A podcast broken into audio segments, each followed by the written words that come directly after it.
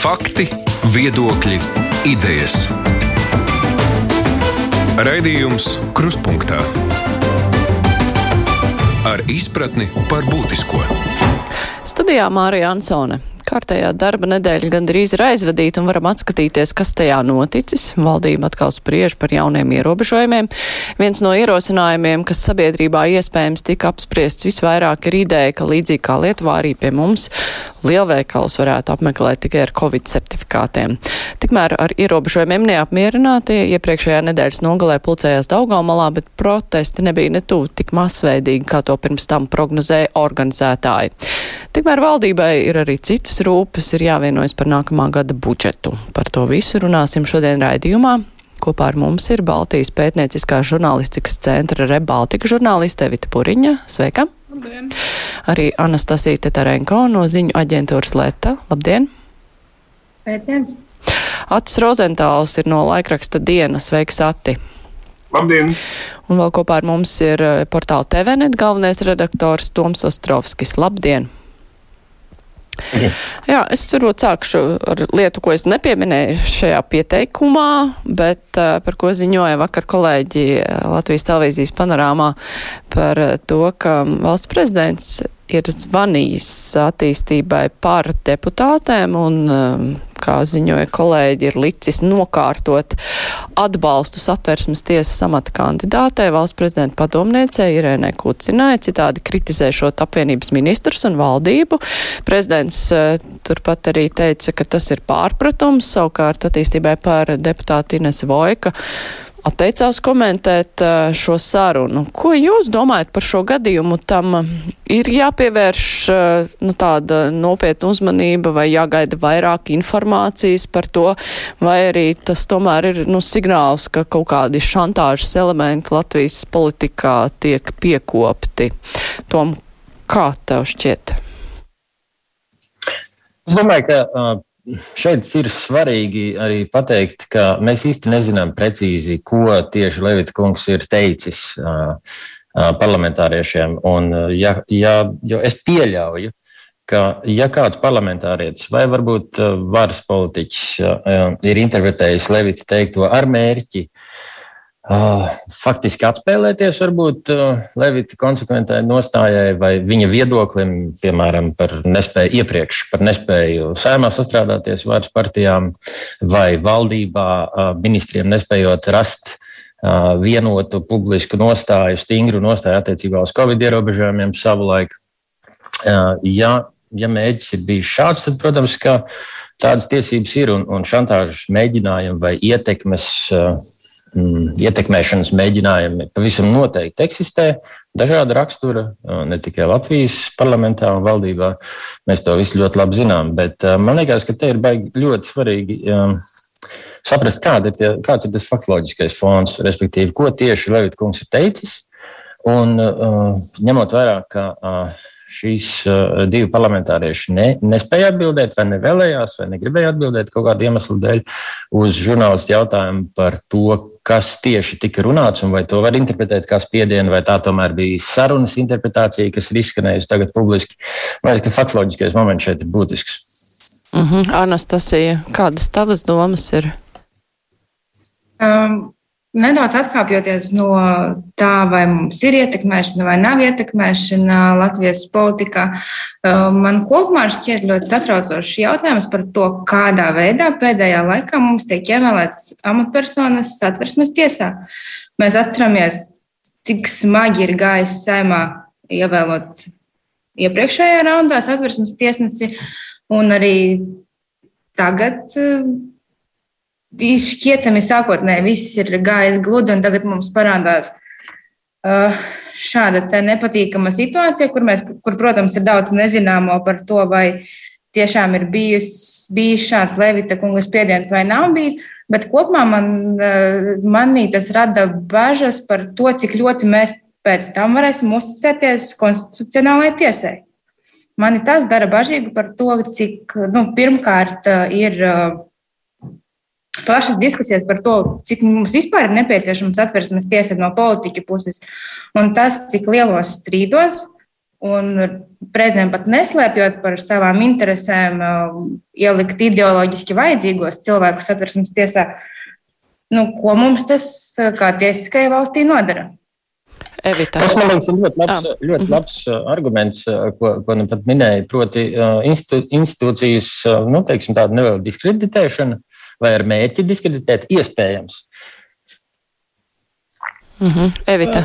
Ja drīkst, es arī pilnībā piekrītu, ka tā ir institūcijas diskreditēšana. Un, ja teiksim, es nebrīnos un nebrīnījos, ka to darīja nu, dažas saimnes partijas, mēs zinām, kura Nacionāla apvienība droši vien. Un, nu, jo viņiem nepatīk tie satversmes tiesas pēdējā laika lēmumi, un viņi to ļoti skaidri pauda. Un, un mēs dzirdējām runas, ka satversmes tiesa vispār nav vajadzīga. Tad nu, šādu soli no uh, valsts prezidenta, teiksim, tas ir ļoti nepatīkams pārsteigums. Vismaz man, uh, man bija kauns vakar šo ziņu klausīties. Es, es tiešām nebiju gaidījis, ka nu, tādas, tādas lietas notiek, bet varbūt es esmu diezgan naiva. Uh, es piekrītu Tomam tajā ziņā, ka ir jānoskaidro fakti, bet daži fakti jau mums ir. Es ceru, ka tos faktus mēdīja arī nu, tā, turpinās noskaidrot, un tas nepaliks tāda vienas dienas ziņa, kura varbūt ātri aizmirsīsies. Bet mums jau daži fakti ir. Nu, fakts ir tāds, ka prezidents ir zvanījis, to viņš pats arī nenoliedz. Un otrs fakts ir uh, par uh, konkrēto savu padomnieci, potenciālo satversmes tiesas tiesnesi, viņš ir runājis. Uh, Man ir jautājums, kādā sakarā vispār viņš ir zvanījis deputātiem un kādā sakarā viņš ir par to runājis. Nu, kas tā par sistēmu, kāpēc prezidentam tas būtu jādara? Uh, tas turklāt nav neitrāls kandidāts, tā ir viņa padomniece. Nu, pat ja viņš saka, ka viņš vienkārši skaidrojas, uh, kāpēc tur tie argumenti ir korekti un tā, Nu, tas, jebkurā gadījumā, ir spiediens uz uh, saimnes deputātiem. Es uzskatu, turklāt nu, viņš ir zvanījis deputātei Vojkai, kura, kā es saprotu, uh, komisijā nebija balsojusi par šo kandidāti. Tātad nu, tur tā ķēde ir tāda ļoti acīm redzama un ir ļoti nopietni jautājumi, uz kuriem prezidentam būtu jāatbild. Nu, es nebiju gaidījusi, uh, ka, ka viņš kaut kā tā varētu teiksim, tā rīkoties ar savu jurista nu, kvalifikāciju, pieredzi, rietumu vērtībām un tā tālāk. Bet uh, par to diskreditāciju runājot. Uh, Kā saprast, vai prezidents ir gribējis diskreditēt satversmes tiesu, vai vienkārši viņa rīcība diskreditē satversmes tiesu? Es domāju, ka viņš ir gribējis pašu labāko no savas izpratnes, un es nedomāju, ka viņš ir gribējis diskreditēt satversmes tiesu. Pilnīgi noteikti nē. Bet, kā jau Anastasija teica, tad eh, visi šie pēdējā laika, nu es nezinu, cik gada garumā, vismaz vai pat ilgāk, šīs ziņas, kas saistās ar satversmes tiesu, un šī ir viena no tām ziņām. Ja šādā veidā tiek virzīti kandidāti, nu, tas pats par sevi diskreditē to, to institūciju lēmumu pieņemšanu. Tā tam nevajadzētu būt. Nu, mums vajadzētu būt pārliecībai, ka viss notiek augstā profesionālā līmenī, ka tiešām tiek izraudzīti nu, vislabākie kandidāti, ka neviens tur tādā veidā nevar lobēt, spie, spiest, izdarīt spiedienu, vēl tur šantažēt iespējams. Nu, tā ir tā diskreditēšana. Es, protams, ka viņš to tā nebija domājis. Noteikti ne, bet nu, tāds iespējas, diemžēl, rodas. Un satversmes tiesas eh, prestižam tas nenāks par labu. Ne. Ati, kādas tev pārdomas? Jā, nu es arī domāju, ka tas ir ļoti nepārdomāti, ko, ko prezidents ir izdarījis. Nezinu, kāpēc domādams, varbūt tas neaizies publiski, jo nu, politiķim ir jārēķinās, ka jebkurš viņa solis, arī privāts telefons zvans, uh, var nonākt publiskajā telpā. Un uh, runājot, jā, es pilnīgi piekrītu visu iepriekš minētajam, jau uh, redziet, nu, principā ir tā, ka šī konkrētā kandidatūra jau vispār ir pa brīdim, nu, varbūt viņa arī kādam nav vērta, un arī tāpēc uh, notiek tā kaut kādas diskusijas par to, jo te jau ir bijušas spekulācijas arī par, par tādām nu, dzeltenām lietām saistībā ar Levitu un šo konkrēto kandidātu. Bet, bet katrā ziņā tas, ka tagad tas iznāca, nu, ka, ka šāda veida saruna notiek, vai es nezinu, vai tas ir noticis arī ar citām partijām, tad, tad, tad, tad vajadzētu jautāt uz priekšu. Un mēģināt saprast, vai tad, nu, no vienas pašas konkrētas, konkrētas frakcijas balsojumu jau viss neizšķirs. Tātad varbūt tā ķēde ir bijusi patiesībā plašāka, vai tā ir bijusi iecerēta plašāka. Bet uh, tas nav galīgi labs tonis uh, šādi rīkoties. Uh, es pilnīgi piekrītu, ka tas tikai sarežģīja šo kandidātu izvēlēšanas procesu, ja, ja to mēģina darīt šādā veidā. Es, es piedodu, Mārija, es gribēju arī teikt, ka es tomēr gaidītu, ka Kucinas kundze pēc šī, nu, ka tādas ziņas ir nonākušas atklātībā un ka nu, nav jau noliegts, ka tādas zvani tur ir bijuši, ka man liekas, ka viņai tiešām būtu jāpaiet malā un, un, un būtu godīgi, ka viņa neturpinātu šo kandidēšanu. Un tāpat es domāju, ka arī šiem deputātiem vai nu, deputātiem vispār, kā Atis tikko teica, nu, no vienas frakcijas viss nav atkarīgs, nu, būtu jāstāsta, vai šis ir pirmais piemēram, prezidenta zvans par Jā. kaut kādiem nu, nezinu, viņu interesējušiem lēmumiem, vai tā ir tāda prakse. Nu, tāpēc es saku, ka uh, šī ir lieta, kura būtu jāturpina šķetināt un saprast, lai mums tā politiskā kultūra tomēr pamazām uh, un ētika nu, kaut kā virzītos uz augšu, nevis uh, pretējā pusē, pretējā virzienā. Pilnīgi tikai. Jā, bet nu, tas, kas arī parādījās šajā ziņā, bija tas, nu, ka prezidents esot teicis, ka viņš kritizēšot partijas ministrus un valdību. Un, gan partijai, gan partijas ministriem, gan valdībai droši vien, ka ir vis kaut kas, ko varētu pārmest, par ko varētu kritizēt, uh, gan robežas, uh, gan sētas, tas daloņstiepļu žoga izbūvu uz Baltkrievijas, kur ir tagad viss uh, iekavējies un iepirkums nav izdevies, pareizāksot nav žoks piegādāts. Um, tāpat arī nu, tas, kas notiek, nu, tāds varbūt pat spiediens uz veselības ministriju par trešo poti, kas arī tiek pārmests, ka viņi tur kaut ko vēl garumā, tad nu, valdībai ir par ko būt sagaidīt pārmetumus principā. Un kā tas tagad tas izskatītos, ja prezidents sāks izteikt šos pārmetumus, tad te būs aizdomas, ka viņš savus draudus liek lietā. Tom. Tas tāds šausmīgi bērnišķīgi izklausās viss kopumā. Nu, ja, jūs, ja jūs nedarīsiet, kā es teikšu, tad es jūs kritizēšu. Nu, man liekas, ka Levitam jau uh, gluži otrādi ir, ir diezgan daudz pārmet tieši to, ka viņš pārāk maz kritizē valdību un pārāk daudz, teiksim, solidarizējas ar uh, vienmēr uzsverot savas draudzīgās sensenās attiecības ar valdības vadītāju. Es domāju, ka, ka nu, katram ir jādara savs darbs, un, un, un, un Tagad izlikties, ka nekas uh, slikts nenotiek tikai tāpēc, lai dabūtu caur puciņu, es domāju, ka nu, tas būtu pilnīgi uh, prezidenta necienīgi šādos argumentos ieiet, ka ja es jūs kritizēšu tikai tad, ja jūs nedarīsiet tā, kā es gribu. Nu, nu, tas izklausās pēc pilnīgas noškastes.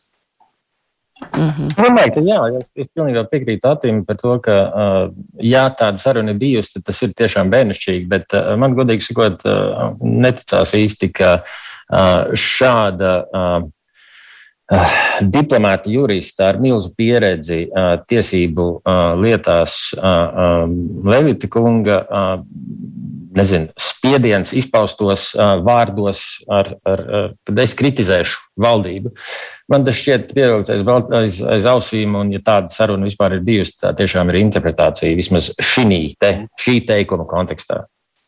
Es gribēju piebilst arī to, ko Toms tikko teica saistībā ar to, ka, ja notiktu diskreditācija, tā notiktu ar vārdiem publiskajā telpā.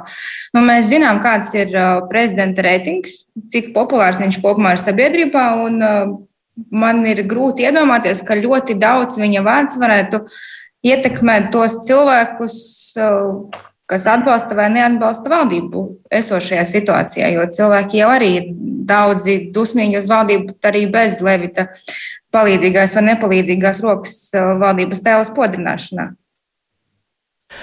Nu labi, bet pārējot pie valdības rīcības, um, tagad nu, rēķinoties ar situāciju, kas ir saistībā ar Covid, uh, inficēto skaits uh, visu laiku pieaug. Uh, ir arī mirušo skaits, diemžēl, palielinās, un tagad no valdības nu, tiek gaidīts kaut kas. Premjeras jau ir atzinis, nu, mēs tur novēlot esam visu kaut ko lēmuši, bet nu, cik izšķiroši, cik uh, strauji un droši valdībai tad tagad ir jārīkojas, un vai tas nav novēlot? Jo, cik saprotams, tad uh, to lēmumu par ierobežojumiem, uh, kas attiektos uz nevakcinētiem cilvēkiem, nu, valdība to var pieņemt pati, un tas, uh, acīm redzot, netiks laists tālāk saimē izlemšanā. Uh, cik strauji un radikāli, tad valdībai tagad ir jārīkojas, lai tā nu, parādītu, ka tā ir lemtspējīga un izšķiru, izšķirīga. Evita, kā tev šķiet, vai ir jāpieņem šie te lēmumi, par kuriem tad tāda daudz maz vienošanās ir jau panākta šonadēļ, gan par tiem lielveikaliem, gan arī par atsevišķu jomu strādājošo vakcināciju obligātu? Es domāju, ka šajā brīdī nu, vairāk varbūt nekā iepriekš pat uh, valdībai vajadzētu klausīties epidemiologos un uh, tiešām speciālistos. Uh, jo nu, vismaz tas, ko mediķi saka, kas šobrīd jau notiek neatliekamajā palīdzībā un slimnīcās, ka nu, tur tā krīze ir tepat aiz stūra, ka tepat viņi būs. Un es domāju, ka godīgi arī ir jāpasaka valdības vadītājiem, sabiedrībai, ka nu, ka būs ierobežojumi, un ka, diemžēl, tie ierobežojumi visticamāk, es domāju, kādā brīdī skars arī vakcinētos cilvēkus. Jo, jo, jo, jo uh, es nezinu, nu, Es lasīju kaut kādu ziņu, kur, kur Kariņš runā par to, ka nu, risinājums būtu lielveikalos noteikt uh, šo ieeju tikai ar certifikātiem, vai ne? Bet vai kāds ir kā kaut cik analizējis, nu, cik tas vispār ir efektīvs solis, un vai tad mums ar to kaut kas tā būs atrisināts? Uh, ja šie lielveikali, nu, kā norāda speciālisti, ir gana diezgan ventilēti, un vai tad tur ir tā lielākā problēma, vai ne? Un vai Lietuvā, kas to jau izdarīja pirms kaut kādām nedēļām, tur tā līkni iet strauji, strauji uz augšu, viņiem jau nu pat tā krīze ir faktiski ir. Uh, Man liekas, nu, kaut kā nepareizi tas fokus pašlaik uz tiem lielveikaliem. Un, un, un, un par, nu, es saku, arī dzirdēju, kur, kur Uga Dumps saka, nu, ka mums būs droši vien jāatgriežas atkal pie attālinātā darba un, un mazāk cilvēku telpās, pasākumu mazāki. Nu, tur droši vien ir jās, jāspriež par šiem uh, ierobežojumiem, tāpēc ka nu, tad, kad veselības aprūpe nobruks, tad jau cietīsim mēs visi vakcinēts vai nevakcinēts. Un droši vien, ka nav cita veida, kā šobrīd noteikt ierobežojums. Un, un es pieļauju, ka tas ir arī tā obligātā vakcinācija kaut kādās grupās, lai gan nu, valdība viņu tagad sauc par pienākumu vakcinēties, vienalga kā to nosauc, bet, bet tas ir jādara. Es domāju, ka tas ir jādara, jo nu, šo, šobrīd nu, pat liekas, ka citu izē, cits izējas jau nav, nekāds brīnums jau nenotiks. Un mēs Esam tikai septembrī, lai gan pagājušajā gadā es saprotu šādu situāciju, ja, ja es pareizi sapratu, ir tikai decembrī bijusi. Teiksim, nu, nu, tas izklausās šausmīgi vienkārši. Protams, jārīkojas. Jā, bet, nu, kā jau teica, nevajag fokusēties tikai uz lielveikaliem, jo tur tiešām nav īpaši. Es, es... Tā jau, nu, atkal, mēs jau atkal varam meklēt vainīgos un teikt, mīļie draugi, visa vasara bija. Nu, pagājušā gadā mēs zinājām, kādas būs problēmas. Kur ir neskaitāmie scenāriji? Kur viņi ir?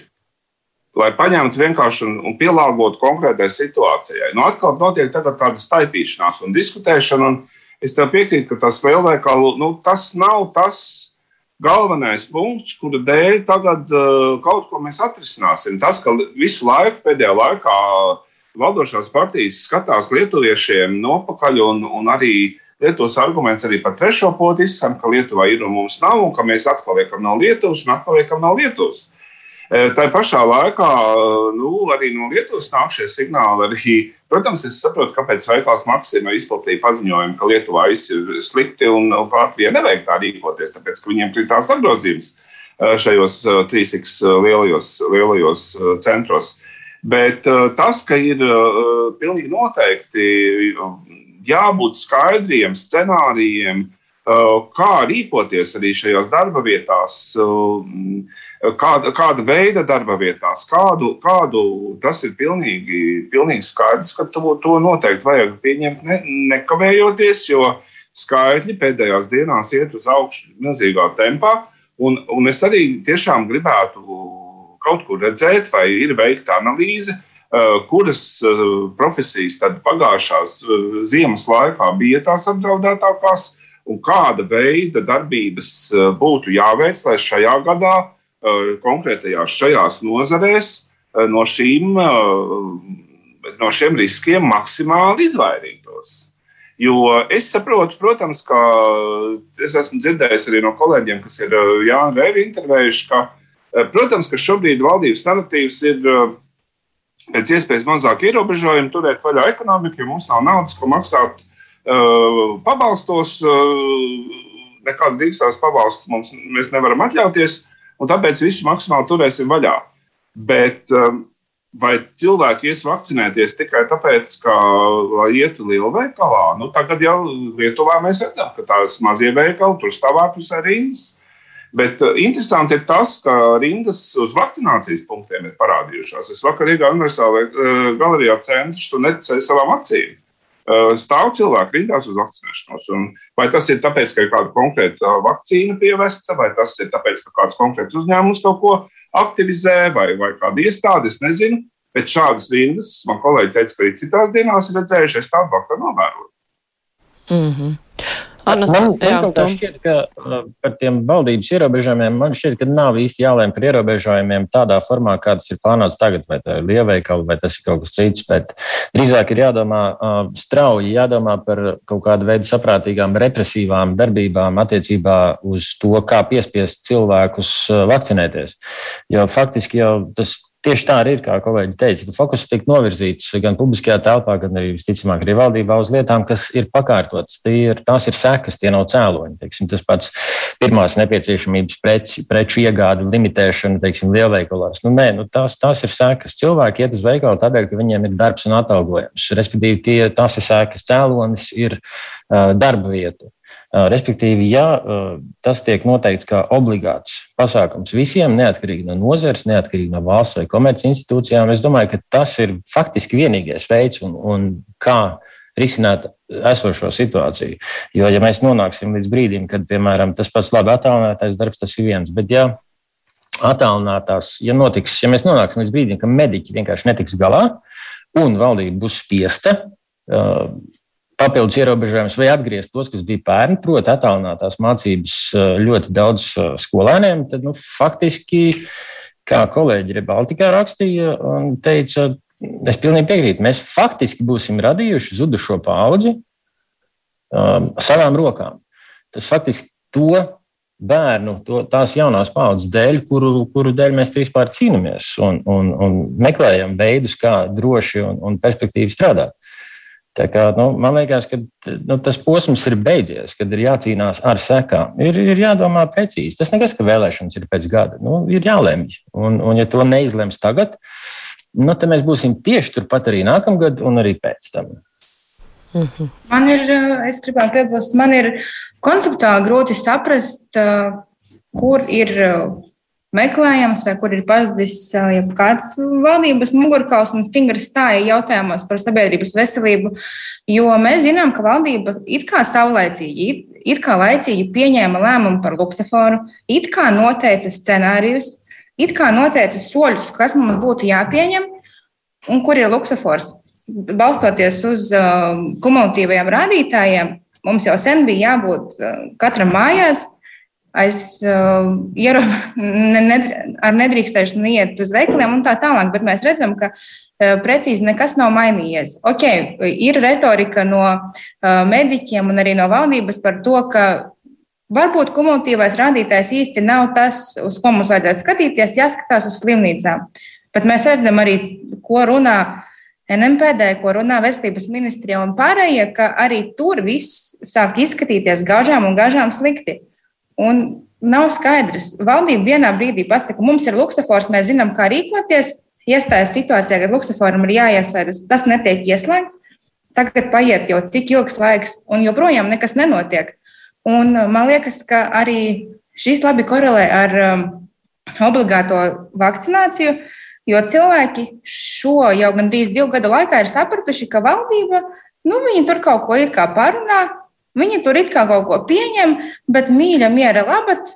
Mēs varētu, viņi laikam tos lēmumus atcels. Un kādā veidā tad valda, pilsoņi, iedzīvotāji, nu, pirmkārt, var saprast ierobežojumus, jo mēs zinām, kritika pagājušajā sezonā bija ļoti liela, ka vienkārši nekas nav saprotams. Un kā vienkārši uzticēties valdībai, kura nu, nepilda pati to, ko ir uzlikusi uz papīriem. Man ir ļoti grūti šo apstākļu saprast.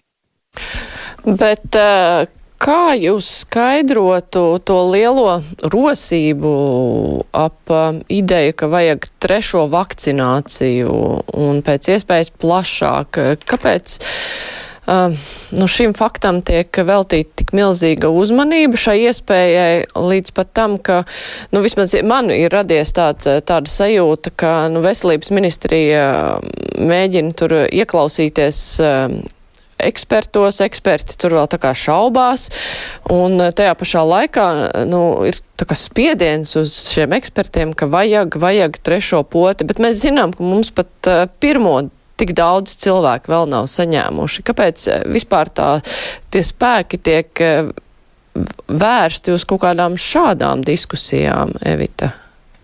Es domāju, ka tas ir tāds uh, populārs solis, kas īsti nevienam nesāpēs. Tā ir tēma, kuru ir nu, viegli pieņemt. Nu, protams, šobrīd tur daži eksperti un daži mediķi traucē vai ne tādu. Nu, Un ir ļoti žēl, ka viņos neklausās. Es domāju, tur ieklausīties vajadzētu vairāk. Bet man arī, kā, nu, es nezinu, vai pārsteidz, bet tas milzīgais laika patēriņš, kas tieši valdības sēdēs tiek veltīts šai tēmai, jau es domāju, kā tā otrā, trešā sēde, kuras klausījos, nu, tur nu, runā un runā. Un mums finanšu ministrs ir galvenais eksperts par trešo poti, un arī Kariņš ir eksperts. Uh, es domāju, tā problēma, ka nu, tad, kad tu lemsi par ierobežojumiem vai par pienākumu vakcinēties noteiktās nozarēs vai nelaidīsim lielveikalos nevakcinētus, nu, tas sāpēs. Tas ļoti nepopulārs lēmums, un tāpēc arī iespējams viņi tiek tomēr vilkti kaut kādā garumā. Nu, diemžēl Jo, jo to nav, nav, nav viegli pieņemt, jo tur būs kaut kāds pretsitiens, ņemot vērā šīs populistu partijas, ir īpaši, kas ir ļoti aktīvas šobrīd sabiedrības iedvesmošanā, ņemot vērā, ka mums tik daudz cilvēku negrib vakcinēties. Savukārt šis par trešo vakcīnu, tas jau īsti nevienam nesāpēs. Ir kaut kāda cilvēka daļa, kas domā, ka jā, viņi gribētu to trešo poti. Nu, tiem tad par labu, nu, pārējiem. Nu, bet tā ietekme jau šā lēmuma ietekme, es, es, es, ja es pareizi saprotu, ir kaut kas ļoti. Nu, minimāls. Tā nav vispār šobrīd ne tuvu, ne aktuālākā lieta. Turklāt tas, ka vajag šiem imunosupresētiem pacientiem nu, ļaut un, un piedāvāt trešo poti vai gados veciem, nu, par to jau tā kā esam vienojušies. Šobrīd ir runa, vai tiešām vajag visiem. Nu, tas, cik es saprotu, tomēr nav aktuālākā lieta, par ko spriest. Bet tas ir tāds viegls jautājums, patīkams, ar kur kaut kādus pluspunktus vienā sabiedrības daļā nu, nopelnīt, un nevienam jau īsti nu, sliktums no tā nebūs. Pre, pretēji tiem citiem lēmumiem, kas ir daudz smagāki. Bet vai tas, ka tomēr speciālistu viedokļi tiek nostumti malā, nu, nerada nu, kaut kādu sliktu efektu tai ziņā, ka nu, vēl vairāk nostiprinās pārliecība, ka vakcinācija ir politisks jautājums. Lai gan tas ir tīri medicīnisks jautājums. Tam nevajadzētu vispār būt politiskam jautājumam, Mati. Nu, ar šo ir jābūt diezgan uzmanīgiem, tāpēc, ka nu, mēs atceramies, kā mums ar to vakcīnu iepirkumu sākās un, un turpinājās pagājušā gada. Uh, tā, šā gada sākumā, faktiski, ne? Kad nu, tomēr paļāvās valdība uz ekspertiem, tur neiesaistījās un beigās dabūja to rūkti nožēlot, tāpēc, ka nu, bija salikts tās visas nu, svars uz tām potēm, kuras beigās eh, nevarēja piegādāt. Tad mēs ilgi tur sēdējām un gaidījām, ka tās vakcīnas vispār būs. Nu, tas jau, protams, arī šobrīd tiek izmantots eh, valdības sēdē kā arguments ar to pašu Dāci Zavacku, uh, diskutējot, ka tas viņai tiek bāzts acīs, ka jūs, mēs uz jums paļāvāmies, jūs neko neizdarījāt, tāpēc mums politiķiem tagad ir jāļauj pieņemt lēmumi. Protams, ka es, domāju, es personīgi domāju, ka tas nav pareizi, bet nu, jā, nu, tāds arguments arī izskan.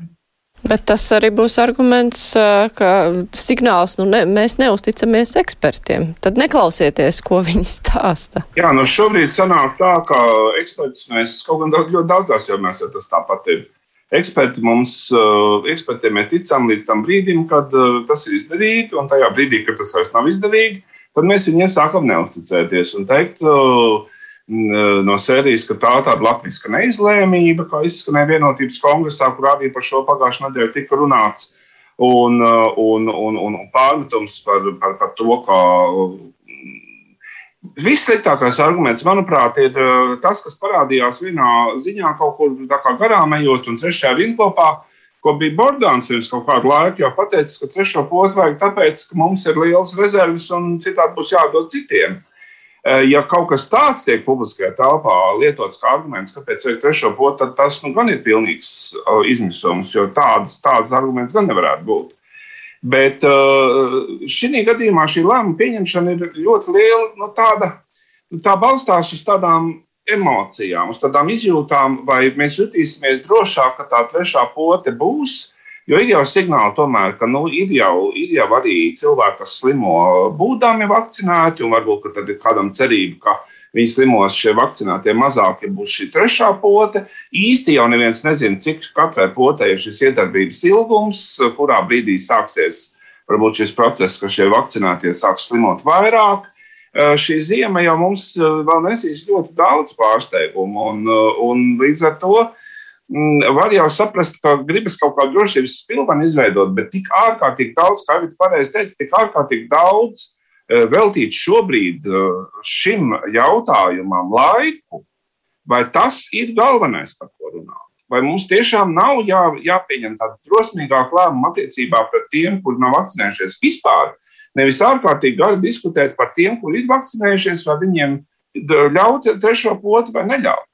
Eh, te atkal ir tas svaru, svara uzsvara pārlikums no neatliekamām, bet, bet sarežģītām, un smagām un politisku, izvēli eh, prasošām lietām, un kaut kādu tādu nu, nosacītu, neobligātu, pašlaik netik ļoti aktuālu lietu, kuru, par kuru diskutēt ir daudz vienkāršāk. Un man liekas, ka vienīgā lieta, gan, eh, ko viena daļa politiķu, kurš šobrīd arī mēģina kaut kā manevrēt arī par šiem ierobežojumiem runājot, Eh, viņi neapzinās vienu lietu, ka koķetējot ar tiem, kuriem šie ierobežojumi nepatīk, viņi zauda, draud, viņiem draud zaudēt to cilvēku atbalstu, kur saka, ko tā valdība vēl garumā.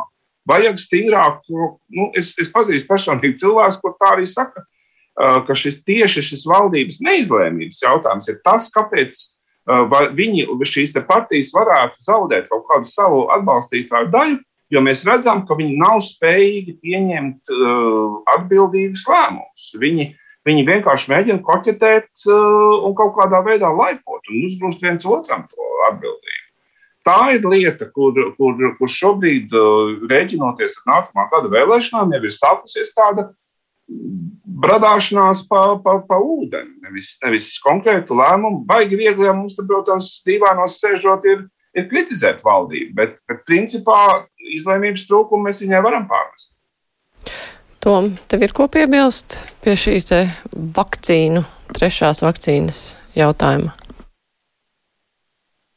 Man, man nē, kolēģi ļoti, ļoti smuki nosedz laukumu. Viņi nav ko piebilst. -hmm. Precīzi un, un, un pareizi. Anastasija.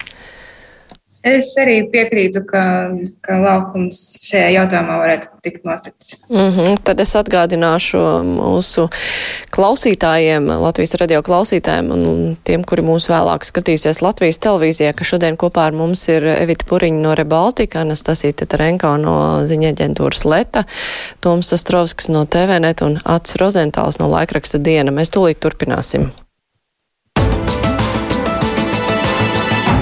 Raidījums Krustpunktā. Jā, kolēģi jau pieminēja gan vēlēšanas, gan valdības.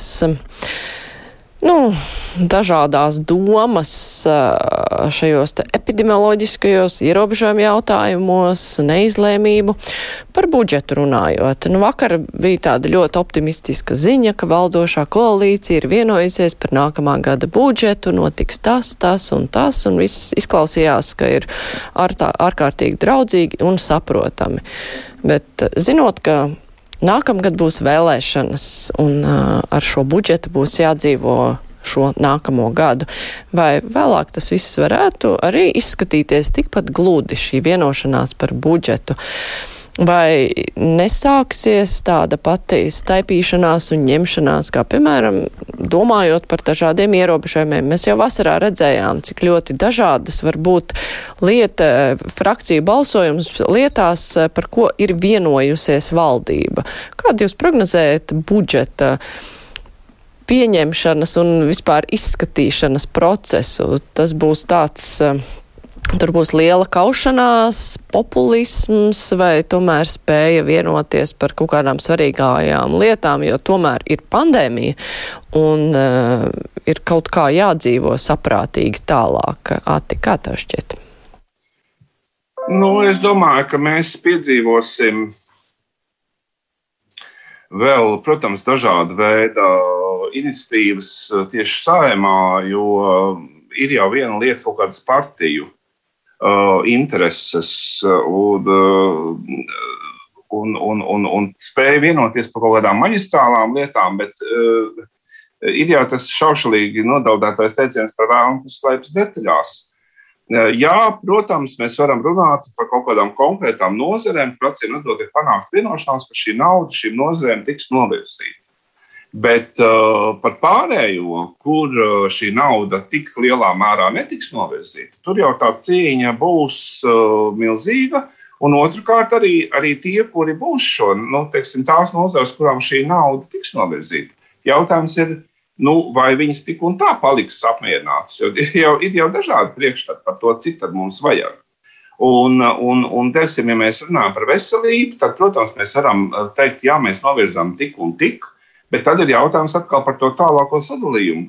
Cik, cik aiziet Covid ugunsgrēku dzēšanai, bet cik aiziet vēzim, cik aiziet visādām citām lietām, kas ir, kas ir aktuāls, svarīgs un kas ir ļoti aktuāls. Un, un kādā veidā šo jautājumu risina. Un, un, un, un, un, un turpinās taču galu galā arī nozarē iekšē diskusijas par visiem atalgojumiem un tā tālāk. Uh, jo, jo te jau arī ir, ir tas, ka nu, es jau šodien otru reizi piesaucu šo vienotības kongresu, par ko man drusku ir trauma. Uh, pagājušo sestdienu. Bet, bet tur arī izskanēja tas, ka naudai, kas tiek piešķirta mm, veselības nozarei, tomēr ir jāiet kopā ar redzējumu, kā šī nozara tiek reformēta. Un tas jau diez vai šajā Covid apstākļos notiks. Bet es domāju, ka vislielākais būs nu, tiešām nu, katram, katram deputātam un katrai frakcijai jau ir sava izpratne arī par kaut kādām tām mazajām lietām, kas kādreiz tika risinātas ar kaut kādām kvotām, šobrīd nav. Un tur noteikti būs milzīgi jāsaka, ka mēģinās dabūt atkal iekšā budžetā uh, tieši vai, vai, vai ap stūri vai kaut kādā veidā. Visādus brīnumus nu, ne, nebūsim naivi. Nu, būs tā. Tas neies ātri. Uh, ātri var vienoties par to, nosaucam nozars, kurām mēs dosim visvairāk. To mēs varam vienoties. Bet tad, kad to sāks realizēt, kā tas izskatīsies, es domāju, ka tas nebūs ātri. Nu, ministriju prioritāšu saraksti jau, un kas ir tā tiešām. Ir. Tieši tā, tie jau ir lielāki, tie krietni pārsniedz uh, iespējamās robežas, jo tas budžeta lielums tur jau ir. Uh, nu, tā nauda milzīgā, cik budžets nākamais būs lielāks, tas pārsvarā aiziet jau uz ļoti konkrētām lietām. Tur nevar variēt un kaut ko ņemt un dalīt. Bet zinot, cik viegli šobrīd nu, ir dažādi politiskie spēki, kur eksploatē pandēmiju, cilvēku neapmierinātība ar ierobežojumiem, vai tomēr nebūs, nu, tajā skaitā arī koalīcijas partijas, kuras arī mēģinās kaut ko eksploatēt šajā gadījumā ne pandēmiju, bet eh, tās citas problēmas, kuras velkas līdzi un kuras kaut kā varētu tikt risinātas ar budžeta palīdzību. Evita. Es nezinu, es godīgi pateikšu, es neesmu ļoti dziļi iedziļinājusies šobrīd šajās budžeta lietās, bet Es tiešām domāju, ka tas ir pats sākums, ka tā ir tāda iespēja vienkārši valdībai nu, visā šajā sāsinātajā atkal situācijā un nenoteiktajā, nu, kad lēmumi tur tiek vilkt garumā un nesaprot, ko pieņems, ko nē. Nu, tā bija tāda iespēja iznākt uz ārā un ar tādu pozitīvu ziņu. Skaistu redziet, mēs te maleči visi esam skaisti vienojušies, draudzīgi par to, kā mēs nākamgad to naudu dalīsim. Bet nu, tas ir tiešām tikai pats sākums. Mēs paralēli dzirdam šo nevalstisko organizāciju nu, prasības un pretenzijas, gan jau pieminētā veselības aprūpe, mediķu algas. Gan, piemēram, Līsda runā par, par pirmskolas pedagoģu algām, kas pilnībā atpaliek no, no, no visiem standartiem, tā teikt, un, un, un, un, un onkoloģija un, un tād, tādas lietas jau vēl būs. Un, un atkal nākamgad ir vēlēšanas. Nebūt tas, protams, protams, nebūs tik vienkārši, kā tas šobrīd izskatās, bet tas nav nekas jauns, un, un tā tas ir katru gadu, un nevajadzētu gaidīt, ka, nu, ka tagad būs kaut kā pilnīgi citādi. Anastasija. Man liekas, ka šoreiz mums ir, mums visu laiku kopš 13. sēmas vēlēšanām šai valdībai solīja, ka nu tūlīt pie budžeta valdība nokritīs, valdībai nav nākotnes, un tūlīt, tūlīt, tūlīt mums būs jauna. Bet mēs redzam, ka palika gads līdz vēlēšanām, un šī pati valdība ar mazākām, lielākām, teiksim, tā kosmētiskām pārmaiņām ir noturēsies, bet atšķirībā no pagājušajām budžeta pieņemšanām, valdības partijām, koalīcijai ir ievērojami mazāk balsu. Tā ir drusku pāri 50 balsīm, kas nozīmē, ka uh, koalīcijai būs jābūt disciplinētai kā nekad, ar ierašanos uz sēdēm, ar uh, savstarpējo komunikāciju. Un mēs redzam, ka pēdējā laikā nu, parādās jautājumi, kas ir uh, kuru ģenēzi iespējams būtu ļoti interesanti analizēt. Tā atkal ir uzpeldējis, ja tā drīkst teikt, restitūcijas jautājums, kurš pagaidām arī karājas gaisā un kurš parādījies pēkšņi budžeta komisijā, kāpēc viņi tur parādījās. Kā tas tiks risināts, vai tas tiks risināts uz budžeta sarunu rēķina, to arī rādīs laiks, jo vakar saimā šo jautājumu vēl neatrisināja. Man liekas, ka ļoti būtiski ir tas, ka saim, saimnes koalīcijai ir ļoti mazs balstu pārsvars. Un uh, ka šeit var, ja nu viņi savā starpā kuluāros aiz slēgtām durvīm nevienosies par uh, lietām, kas viņiem ir svarīgi, svarīgas gadā pirms vēlēšanām, ka mūs var gaidīt tādi vai citādi pārsteigumi. Mhm, Tom, kā tev šķiet, kādas ir prognozes? Es, es, es, protams, varu kļūdīties, bet man šķiet, ka uh, nākamā gada budžets varētu būt ļoti skaists, uh, rožains un, un um, noteiksim tā, daudzām nozarēm un varbūt pat arī um, mazākām, mazāk aktuālām lietām var tikt atvēlēts pietiekoši liels finansējums, jo faktiski mēs visu šo pandēmijas laiku dzīvojam uz tāda no aizlienēta laika, šī vārda burtiskā izpratnē, proti, ir ļoti daudz uh, subsīdijas un atbalsta un palīdzības no uh, dažādiem fondiem, tā skaitā, protams, Eiropas, uh, Eiropas Savienības līmenī. Un, bet šī nauda visticamāk kaut kādā formā būs jāatdod vēlāk. Respektīvi, es domāju, ka nākamā gada budžets, ņemot vērā tieši vēlēšanu, burtisko tūmu, var būt neadekvāti skaists un smuks. Tādēļ es domāju, ka drīzāk varbūt akcents būtu jāliek uz teiksim, budžeta izskatīšanas un pēc tam arī de facto de juri pieņemtā budžeta skaldīšanu, varbūt nozares ekspertu, žurnālistu lokā, proti analizēt, kas tad mūs īsti nākamgad sagaida un ņemot vērā, ka katrs budžets tiek veidots ar perspektīvu vismaz uz tuvākajiem 3-5 gadiem, iezīmējot naudu nozarēm un sfērām, kas ir nepieciešams, saprast, vai tas vispār ir vai vispār tas ir paceļams, piemēram, 23. un 25. gadā. Es varu kļūdīties, varbūt tā nebūs, bet man izskatās, ka uh, šis, šī, nākamā gada budžets vēlēšana tūluma dēļ būs um, faktiski tāda liela PR akcija. Protams, būs arī jēdzīgi, konstruktīvas lietas būs iekšā, bet uh, man liekas, ka tas naudas segums uh, pēc tam pēc vēlēšanām var izrādīties uh, neatrodams vai par īsu stipri, un tad varēs pārmest iepriekšējai saimai, ka redz, uh, džeki tur nespēja ar galvu domāt realistiski. Es jau pieminēju, ka ir politiķi, kur cenšas eksploatēt uh, šo pandēmiju, bet Šleser rīkotā akcija, kas bija Krasmalā pagājušajā nedēļā, nu, īpašo tā no augšas, no drona pafilmējot, nu, izrādījās, nu, ka tur nebija ne tuvu tas masveidīgums, kas tika piesaukts. Vai tas liecina, ka cilvēkiem, nu, ka jā, pandēmija ir apnikusi, ierobežojumi ir apnikuši, bet uh, ka viņi tomēr tā nav gatavi skriet katram, kurš uh, nobļaujās pandēmijas nav, un tad tagad milzīgi krastmalā var savākt cilvēkus? Vai ši, šis tomēr ne, nebūs tāds nākamo vēlēšanu jājām zirdziņš tik veiksmīgs, kā varbūt daži ir iecerējuši? Atikā domā. Es domāju, ka nu, kā, nu, populistiskām idejām uh, kaut kāds ventils būs jāatrod. Vai tas ir konkrēts Šlesers uh, šajā gadījumā? Uh, viņam ir ļoti liela vēsture, nāk līdzi, viņam nāk līdzi biogrāfija.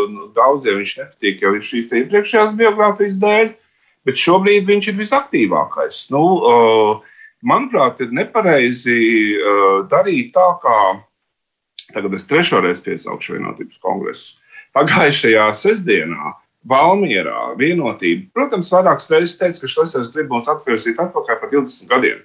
Bet principā tas bija kongress, kurā cilvēki sanāca un taisīja selfijas. Viņi pilnīgi komfortabli jutās, un viņiem nebija sajūta, ka kāds viņus krastmalā šobrīd pulcēdamies apdraud. Uh, bet uh, tas ir septembris, kā jau teicu, saistībā ar pilnīgi citu jautājumu. Šobrīd ir tikai septembris, mums ir gads līdz vēlēšanām. Un tas, uz ko cer konkrētais politiskais spēks, jau ir, ka nākamreiz būs par 500 cilvēkiem vairāk, vēl nākamreiz būs vēl vairāk, vēl nākamreiz būs vēl vairāk. Jo uh, man patīk, kā Andrēs Pančļējos ierakstīja um, Facebookā, ka, ja viņiem izdosies šoreiz, tas būs uz ilgu laiku, bet arī, ja viņiem neizdosies šoreiz, tas būs uz ilgu laiku. Nu, tas ir konkrēti cilvēki, kas raujas pie varas, vienkārši darīs visu iespējamo, un, un to droši vien darīs arī citi. Jo tas svārstīgais viena daļas elektorāts kurš katru gadu, katrās vēlēšanās nobalso par kaut kādiem citiem solītājiem, nu, viņš eh, ir visiem interesants. Un, un jautājums, ar kādām metodēm tas tiek izdarīts, vai, vai tas tiek izdarīts dziedot pandēmijas nav. Domāju, ka vienu daļu šādi nevar dabūt, ka cilvēkiem tomēr bailes no pandēmijas ir arī tiem, kuriem nepatīk valdība.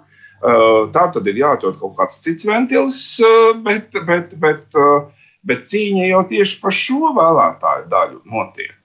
Un, un, un, un tas, ka šobrīd varbūt ka valdošā koalīcija joprojām nesaskata draudus un domā, nu, tas paliks apmēram, nu, mēs redzējām, teiksim, pagājušajās vēlēšanās, KPV, cik viņi tur dabūja. Nu, tas mūs neapdraudēja tajā brīdī. Kaut kā nosvārstījās, bet, bet nu, mēs vēl izbraucām cauri. Bet nu, šobrīd izlikties, ka, ka nekā, nekāda apdraudējuma nav. Es domāju, ka tur tomēr ir jādomā arī par kaut kādiem atspēkojumiem, par kaut kādu taktiku, kā to rīkoties, ja, ja, ja, ja, ja viņi grib kaut kādā veidā tomēr sarunāties. Jo šobrīd tā, tā taktika šobrīd ir tāda, lai viņi pulcējas tur, mēs ar viņiem nesarunājamies. Okay kas notiks, ja, ja tomēr šis plāns uh, attīstīsies, ka šis cilvēks skaits nākamajā reizē palielināsies. Nu, redzēsim. Evita. Es uh, piekrītu tam, ko Atis teica, bet uh, viena nianse.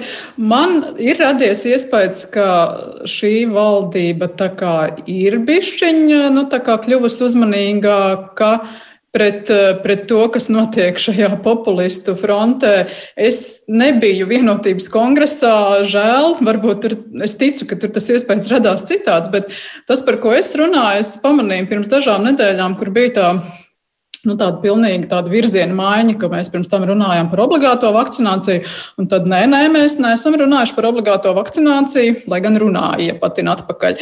Mēs eh, runājam par pienākumu vakcinēties, un tad tur pat izskanēja, ka jūs mēdī mūs nesat eh, pareizi sapratuši, kārtīgi reiz pārpratuši, mēdī vainīgi.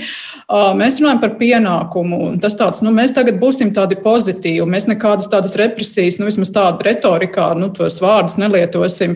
Arī, arī, starp citu, premjera intervijās tas bija jūtams, ka mēs jūs dzirdam, mēs visos jūs ieklausīsimies, mēs saprotam, es saprotu. Nu, tāda, es vismaz sajūtu tādu attieksmes maiņu, kad man likās, ka nu, nu, nu, kaut kas tur sabiedrisko attiecību padomnieku līmenī, teiksim, varbūt ir pamainījies un ir kaut kāda sapratne veidojusies, nu, ka ir jāmaina tā, tā tas sarunu tonis un veids ar sabiedrību, tajā skaitā ar to sabiedrības daļu, kas šai valdībai netic un nebalsos, un tur viss slikti vai ne.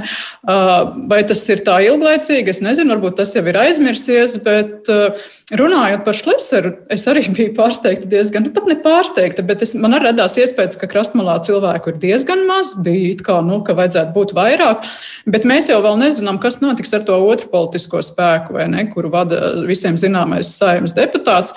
Uh, kurš savukārt šobrīd aktīvi braukā pa mazpilsētām, tur tiekas ar saviem atbalstītājiem, uh, viens ar otru, šlesers ar gobzemi, tur mētājas ar kaut kādām tur replikām, tur, uh, nu, tā kā nu, viens otram tur kaut ko uzbrauc, bet, bet mēs jau nezinām, kas būs līdz vēlēšanām. Ja teiksim, viņi tiešām apvienosies, kam es ticētu, nu, tad tas tomēr būs spēks, es domāju, un, un nevajag jau arī tā norakstīt. Es domāju, ka tur ir ļoti liels potenciāls. Šobrīd ar mums tuvojošos krīzi medicīnas aprūpē mēs redzam, ka tā pandēmija vēl ilgi būs aktuāla vismaz Latvijā, un, un, un tas noteikti būs temats, uz ko šīm partijām vārīties. Un, jā, es domāju, ka nu, par to ir ļoti, ļoti jādomā. Bet, bet es neapskaužu arī valdību un koalīcijas partijas, tāpēc ka nu, nav viegli vienlaikus rūpēties par, nu, par tām nu, lai mums tā krīze neuzgāžas uz galvas eh, vissmagākajā veidā un vienlaikus mēģināt saglabāt kaut kādu nu, pozitīvu šo.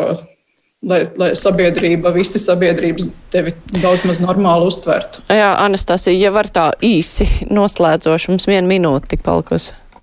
Jā, es gribēju pateikt sekojošo, ka, manuprāt, šajā gadījumā gadu pirms vēlēšanām ir jādomā vismaz par trim lietām. Ka, pirmkārt, Covid kaut kad beigsies, un šīs populistu partijas ir bezprogrammatiskas organizācijas, kuras pašlaik brauc, atvainojas tikai uz to, ka valdība mūs ir piečakarējusi Covid sakarā, bet reālus priekšlikumus programmām viņi nepiedāvā. Otrakārt, ņemot vērā fragmentētu politisko vidi, pagājušajās vēlēšanās mums bija palielināta tikai KPVLV, kas bija nu, reāls kandidāts iekļūt saimā, un to viņi arī izdarīja. Tagad šie cilvēki ir sadalījušies, un arī tas ir jauna problēma, kas pašiem populistiem būtu savā starpā jāatrisina. Un trešais jautājums ir vēlēšanu aktivitāte. Un šeit ir jautājums, kurš no šīs situācijas nogurs pirmais, un kurš aizies un kurš neaizies uz vēlēšanām. Un, no, nu, un šo mēs gadu pirms vēlēšanām tiešām paredzēt nevaram. Mm -hmm. Tom, diemžēl tev nebūs iespēja neko piebilst šajā sakarā, jo man ir jāsaka paldies. Jā, jā. Bet, uh, jā, mums vairs tiešām nav laika, bet es domāju, ka mēs šiem jautājumiem pievērsīsimies vēl nevienā vien raidījumā un arī mums iespējams nāksies kaut kad runāt arī par to Rīgas iecerēto nakts mēru, ko gribējām šodien apspriest, bet, nu, daži citi jaunumi izrādījās svarīgāki par to. Es saku paldies, Toms Astrovskis, TVNet galvenais redaktors bija kopā ar mums, Anastasija Tetarenko no ziņa aģentūras Leta, Evita Pūriņa no Baltijas pētnieciskā žurnālistikas centra Rebaltika, Acis Rozentāls no laikraksta Diena. Uh, pirmdien uh, kolēģim Aidim Tomsonam būs eh, lielā intervija ar uzņēmēju Normundu Bergu. Savukārt es no jums atvados. Raidījuma producenti Revija Unām un studijā bija Māra Jansoni. Jauka nedēļas nogali. Vislabāk!